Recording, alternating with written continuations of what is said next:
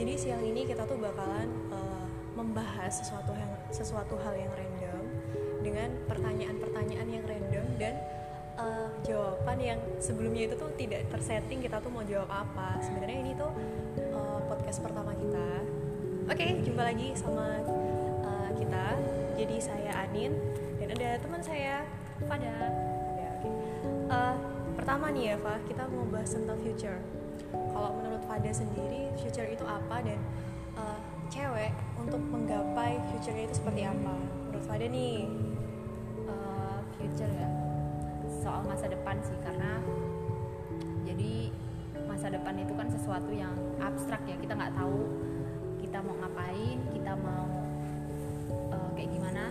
Tapi kita diberi satu kemampuannya itu berimajinasi berharap ya hal-hal yang apa ya penuh harap gitu loh dan menurutku semua orang kan berhak bermimpi berhak berharap gitu apalagi perempuan.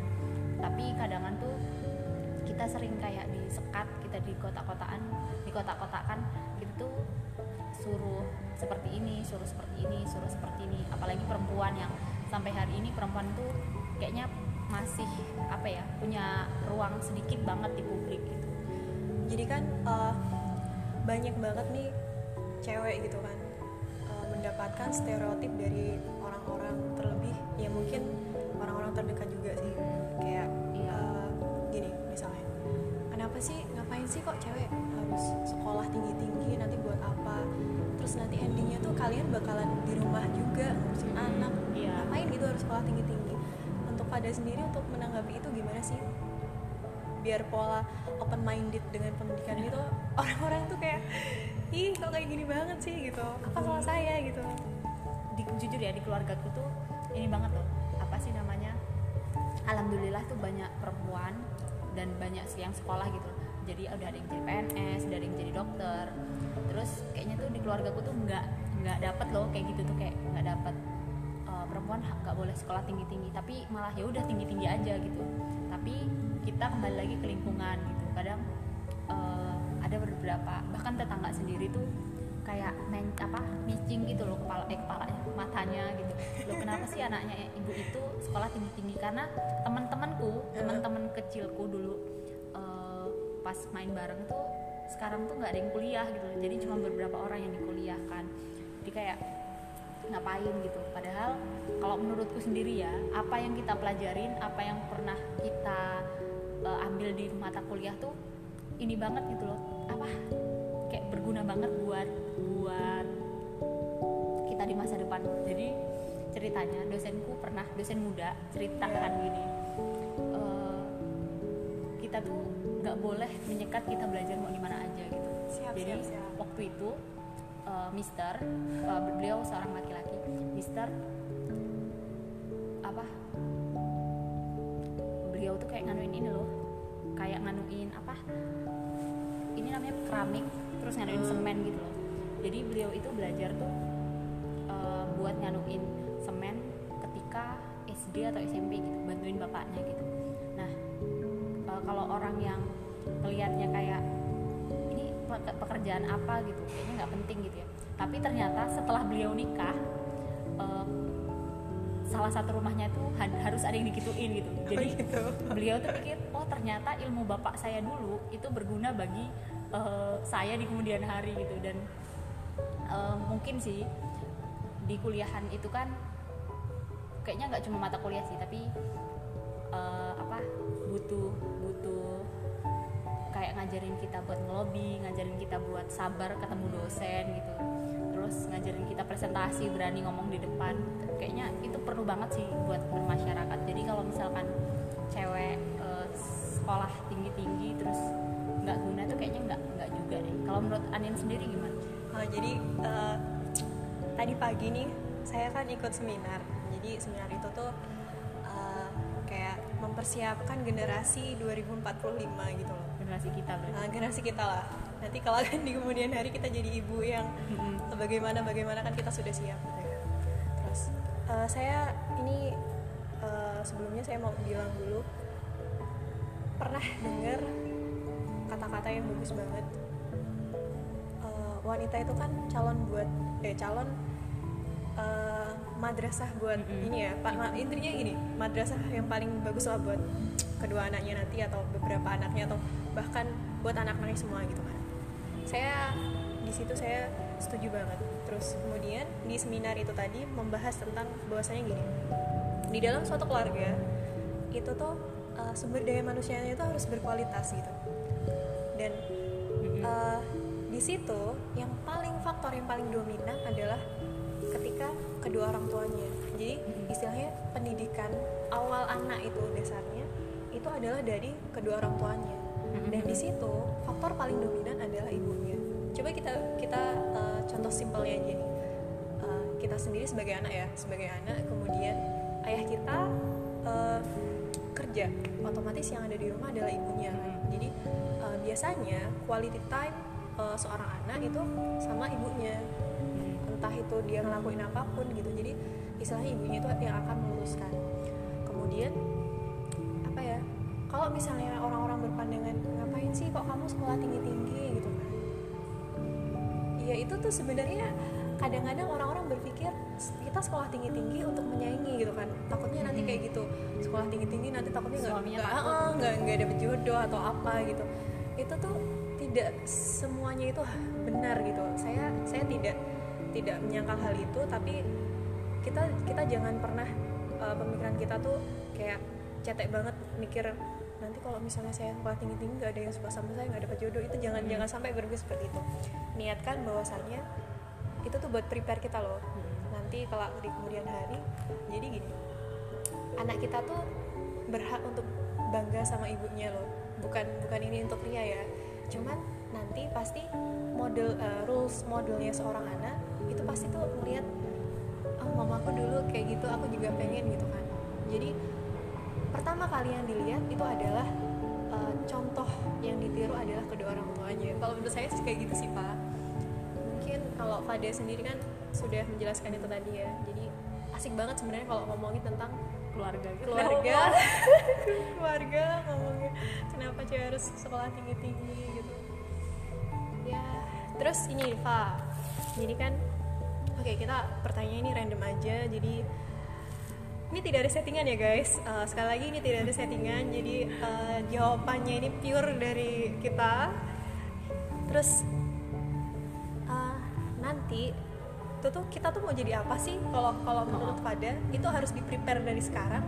Apa nanti tiba-tiba setelah lulus saya pengen Oh. jadi ini gitu. Eh, karena aku orangnya overthinking ya. Jadi kadang tuh eh, overthinkingku nih secara nggak langsung tidak bermanfaat tapi secara eh, kebetulan juga bermanfaat gitu. Kadang aku mikir kalau mau tidur tuh sering mikir yang nggak jelas nggak jelas gitu. Termasuk bahkan aku nanti nikah sama siapa terus eh, calonku kayak gimana terus gim- gimana misalkan kalau aku tuh ternyata dapet jodoh tetangga aku sendiri atau teman seorganisasi sendiri. Pokoknya tuh dipikirin aja. Dan suatu waktu aku eh, ngelihat berita berita tentang ibu bunuh anaknya anak bunuh ibunya anak dendam ya pokoknya tentang keluarga lah. Ribet lah ya pokoknya. Oh terus aku pikir kayak gimana nanti kalau misalkan aku punya ibu terus itu eh, aku sebagai ibu tuh nggak bisa ini loh nggak bisa apa nggak bisa menjaga mereka gitu. Hmm. karena kok bisa ya ada berita kok bisa ada eh, kejadian anak untuk ibunya sendiri di pengadilan gitu. Cuma gara-gara tanah lah cuma gara-gara tanaman lah selama hidup itu kok. Karena aku pikirnya gini sih eh, pasti ibu itu pernah melakukan su- sesuatu hal atau eh, apa yang membuat anaknya tuh kayak dendam atau apa gitu sih. Sampai istilahnya sampai kalau anak itu besar dia punya kekuatan buat jatuhkan ibunya sendiri gitu. Terus eh, ya benar kata kamu tadi kita harus jadi ibu yang cerdas terus harus jadi ibu yang is pokoknya ibu banget lah. Tapi kalau aku sih punya cita-cita nanti kalau misalkan aku di rumah jujur aku pengen di rumah sih. Tapi sambil ngapain gitu loh. Sambil produktif entah nulis terus entah jadi translator atau jadi apa gitu. Karena aku kan jurusan bahasa Inggris ya Iya. guys.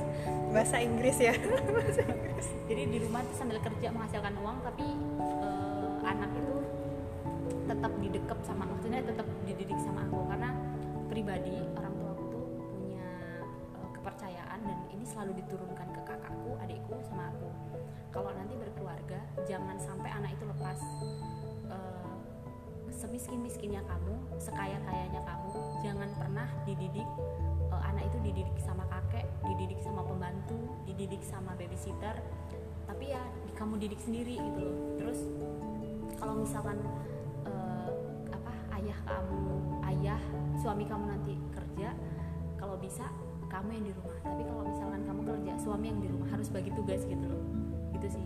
Kalau Anin gimana nih? Ibu pengen jadi ibu ya kayak gimana? Ibu yang selalu membelikan mainan untuk anak-anak membelikan mainan ya.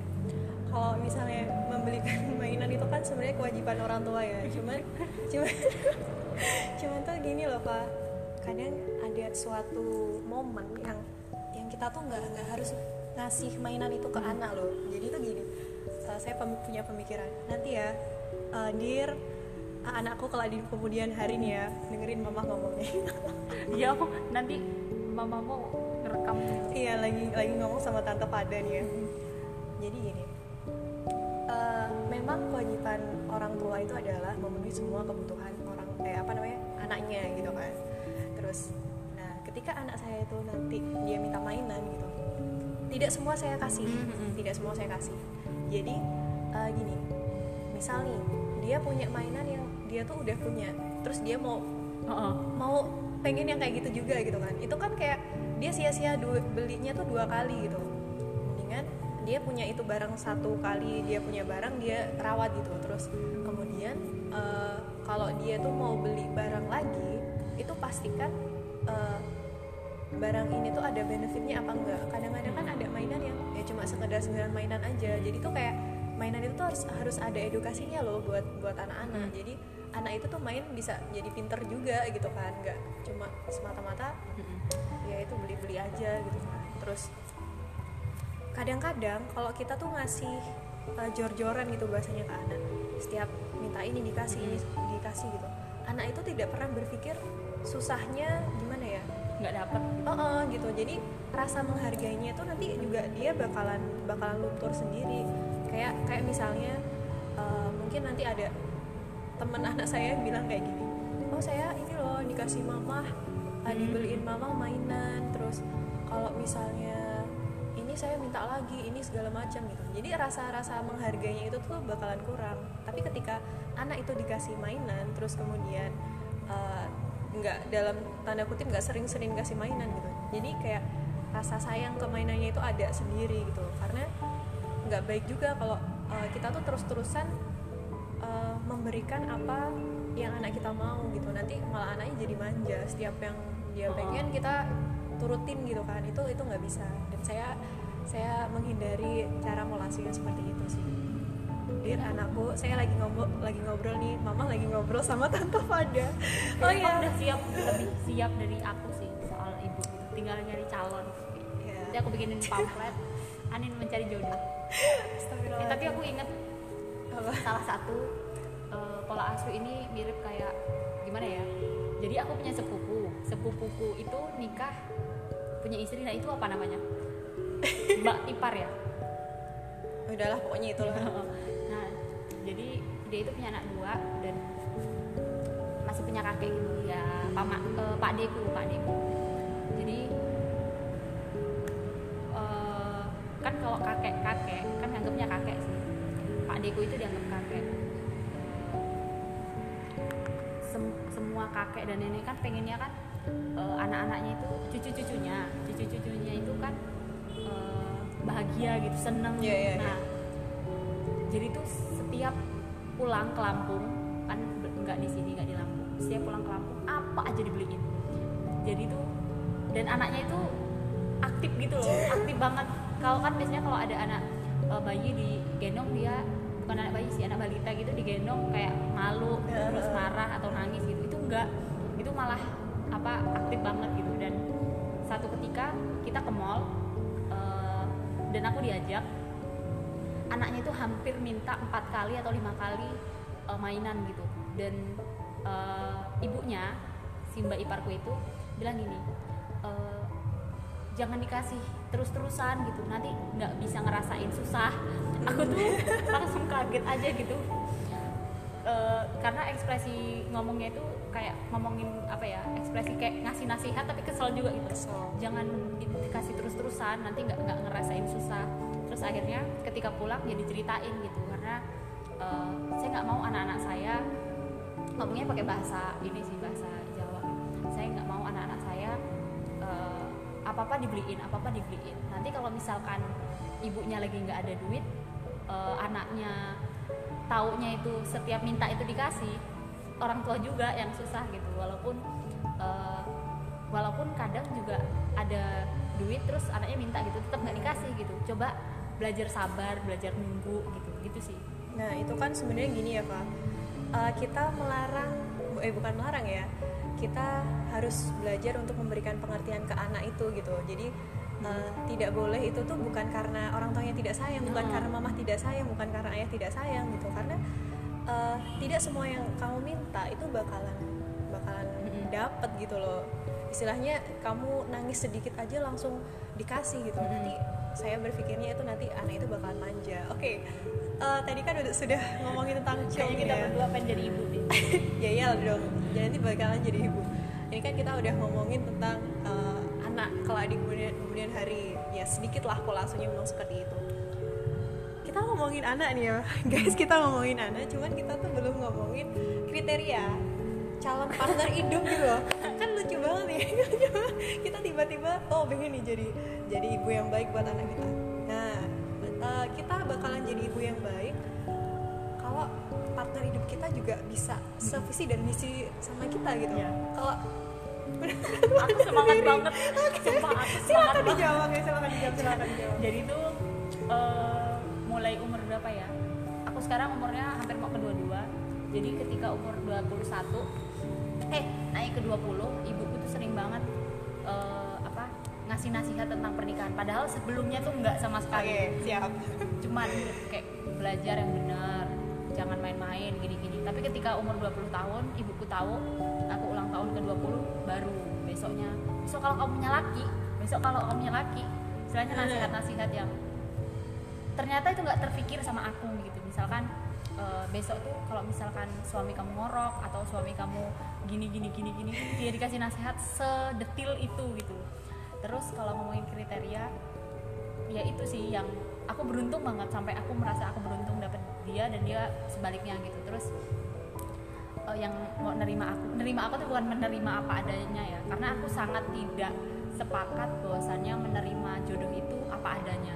Kita aja yang mau beli baju harus milih nanti kalau misalkan aku beli baju yang ini kira-kira cocok nggak ya kalau dipakai sama celana atau pakai eh, sepatu? Pokoknya harus dipilih-pilih dipikir-pikir kan. Lah kok bisa-bisanya kita milih jodoh eh, kita sampai bilang udahlah terima apa apa adanya. Kok adanya. give up banget gitu loh. Padahal kan jodoh itu kayak apa pendamping kita gitu seumur hidup lagi. Iya, iya. terus eh, pokoknya yang dia bisa menenangkan aku yang melengkapi gitu loh karena aku tuh orangnya kan berusaha berusuh ya panikan gitu. Jadi harus ketemu orang yang tenang dan bertanggung jawab. Jadi aku punya tiga kriteria yang menurutku eh, jodohku atau suamiku tuh nggak boleh ngelakuin itu. Yang pertama bohong. Aku nggak suka orang bohong. Terus kedua dia nggak eh, main cewek atau setia. Aku nggak terlalu suka sih sama cowok, cowok yang apa kayak nempel sana nempel sini. Kasar banget sih ngomongnya.